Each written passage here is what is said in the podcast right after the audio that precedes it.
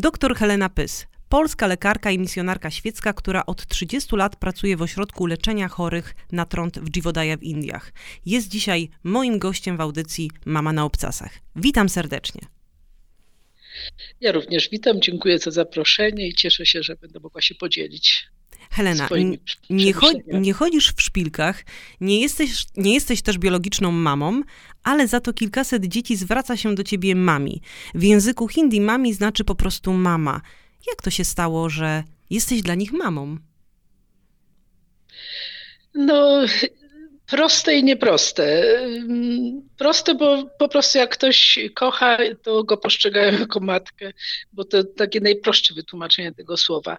A nieproste dlatego, że my nie znamy takiego y, poczucia wspólnoty w Polsce, jaką mają Hindusi każda społeczność tutaj jest społecznością prawie rodzinną.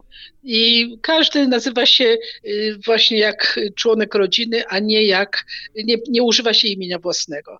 Także dla niektórych oczywiście jestem y, lekarzem i mówią tylko doktor G, inni mówią y, na przykład starsi ode mnie, czasem mówią, że jestem ich starszą siostrą. Proszę zwrócić uwagę, starszą siostrą, bo to zależy od funkcji. Ja myślę, że to jest dlatego po prostu, że ich kocham. To się da wyczuć. Ja ich kocham i oni wiedzą, że no, mogą się do mnie tak zwracać, tak bardzo familiarnie. W Dziwodaja mieszka też kilka sierot, które są e, teraz twoimi dziećmi. Jedną z nich jest Patrycja, którą zajmowałaś się już od maleńkości. Mając cztery miesiące ważyła zaledwie półtora kilograma. Opiekowałaś się nią, karmiłaś butelką. W zasadzie jesteś dla niej mamą. Tak, tak, tak. No, jest kilka y, już w tej chwili dorosłych lub prawie dorosłych nastolatków, które trafiły właśnie w taki sposób. Albo po śmierci matki y, biologicznej, a tutaj karmić trzeba, co jest bardzo kosztowne, sztucznym mlekiem. No i albo, albo po prostu rzeczywiście porzucono przez rodziny, podrzucone, albo po prostu wyrzucono na no prawie śmietnik na drogę, czy gdziekolwiek. Jedno dziecko nawet miało bardzo uszkodzoną głowę, ale żyje, uratowany, jest z nami. Takich dzieci jest e, kilkoro. Bardzo się cieszę, ale będę musiała ich doprowadzić do dorosłości, że stanęły na własnych nogach. Głównie to są dziewczęta, bo jak wiadomo w Indiach e, być dziewczynką jest gorzej niż być chłopcem. Ale mam też kilku synów. 30 lat pracy z ludźmi trendowatymi trzy dekady życia w ośrodku Jivodaya. Przez ten czas poznałaś tamtą mentalność tamtych ludzi. Sama mówisz, że hinduizm uczy, że każdy ma w życiu jakieś zadanie do wypełnienia i to się nazywa karma. Co jest twoją karmą? Mm, niedokładnie to się nazywa karma. Karma to jest co innego, to jest przeznaczenie, to jest yy, miejsce, które mam w życiu. Na przykład, o właśnie, yy, dotyczy to między innymi kast jeżeli ja jestem z lekarzy, czy, czy nie wiem, wojownikiem, czy, czy rolnikiem, to tak ma być.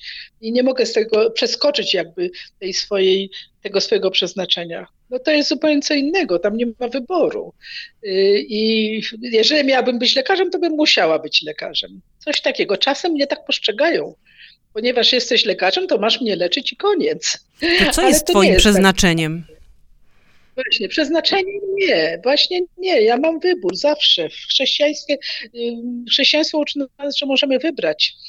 Ja myślę, że moim takim, taką, takim zadaniem życiowym to jest właśnie służyć ludziom. Po to się wykształciłam w końcu na lekarza, żeby służyć chorym przede wszystkim, ale też wszystkim innym potrzebującym, bo serce ma się y, niezależnie od tego, jaki się pełni zawód. Gdy miałaś 41 lat, Wyleciałaś do Indii, by zajmować się trędowatymi. Nie znałaś języka, niewiele wiedziałaś o trądzie, ani nawet o miejscu, do którego miałaś przybyć. Skąd ty bierzesz siłę do tego, aby na co dzień zajmować się chorymi w Dziwodaja? Choć przecież sama od 10 roku życia chorujesz na hajnego Medina. Przepraszam, Pani redaktor, nie choruję, tylko chorowałam. Przeszłam tę chorobę, potem y, wspaniałą rehabilitację, wspomagała mnie w tym rodzina, lekarze oczywiście i rehabilitanci. Nie, no siłę fizyczną to mam y, po prostu z tego, że z chorobą się uporałam. Ale jednak y, poruszasz Ale... się na wózku, więc to też jest y, pewne ograniczenie.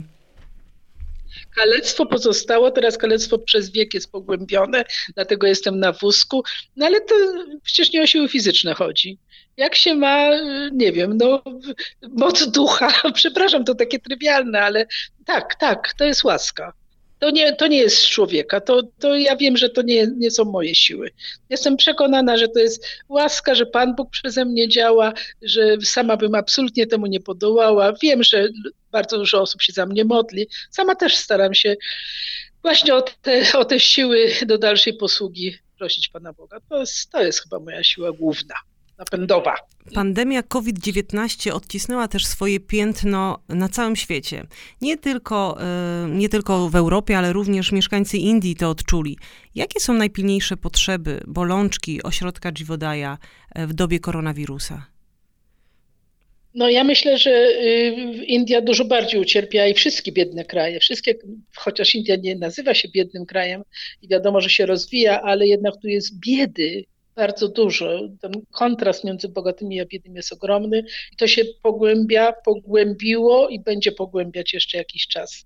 No więc cóż, przyjdzie bieda, będzie troszkę głodniej, będzie na pewno brakowało leków. Po prostu potrzeby wzrosną.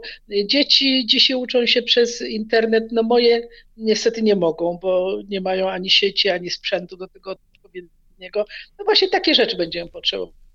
Za chwilę będzie potrzeba więcej ryżu, żeby więcej osób wykarmić, więcej leków, żeby więcej osób wyleczyć i więcej y, najrozmaitszych pomocy naukowych, żeby móc dalej kształcić dzieci. Adopcja serca. Pieniądze. Mhm. Adopcja serca, tak. przychodząc do pomocy dla dzieci, co to takiego? Gdybyś mogła przybliżyć. No tak. Tak, to jest właśnie to jest ten sposób pomocy ośrodkowi. To nie jest tak, że mogę sobie dziecko zabrać do Polski, mogę się nim cieszyć.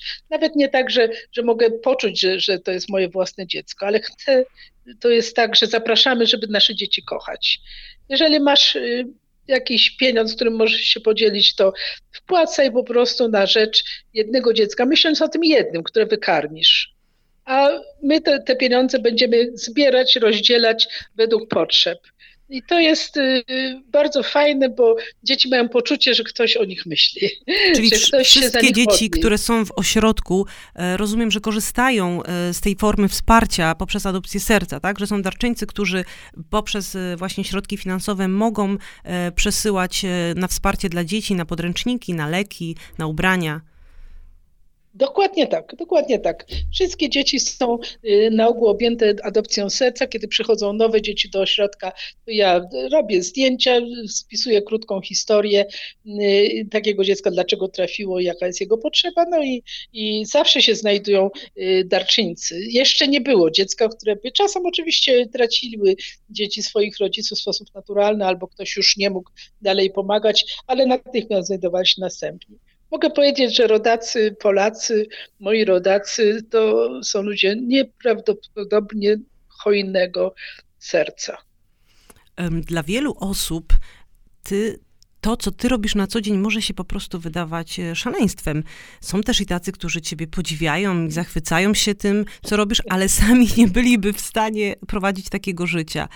A ty wyglądasz na osobę szczęśliwą w tym wszystkim. Ale rzeczywiście, przecież y, ja wiem, że to jest potrzebne, co ja robię. Y, ludzie, którzy przeżywają jakiekolwiek frustracje, nie wiem, jakieś depresje, słyszę ciągle mam doła, coś tam, no to przepraszam, ale to dlatego chyba, że nie widzą sensu w tym, co robią. No, w tym, co ja robię tutaj, a właściwie miejsce, które tu zajmuję, no bo ja tu po prostu jestem razem z nimi i ja wiem, że to jest tym ludziom potrzebne i tym dorosłym, chorym, odrzuconym, których nikt nie kochał i dlatego nie mieli innego miejsca, przyszli tutaj, jak i dzieci, które po prostu na kilka miesięcy, na 10 miesięcy w roku przychodzą tutaj z daleka od swoich mam z kolei, muszą mieszkać w internacie, no bo to jest dla nich szansa, gdzieś daleko jest ten nasz ośrodek od ich domów. I ja po prostu wiem, że jestem im potrzebna, to daje ogromne szczęście. Nawet jak mi moi najukochańsi nawalają, to i tak nie ma to znaczenia, bo matka zawsze kocha. Doktor Helena Pys, laureatka m.in. Orderu Uśmiechu, Nagrody Totus i Nagrody Człowiek bez Barier 2019, lekarka, misjonarka świecka, a dla kilkuset dzieci z ośrodka Jivodaya w Indiach po prostu mami. Bardzo dziękuję za rozmowę. Ja również dziękuję serdecznie. Kłaniam się, Magdalena Szefernaker.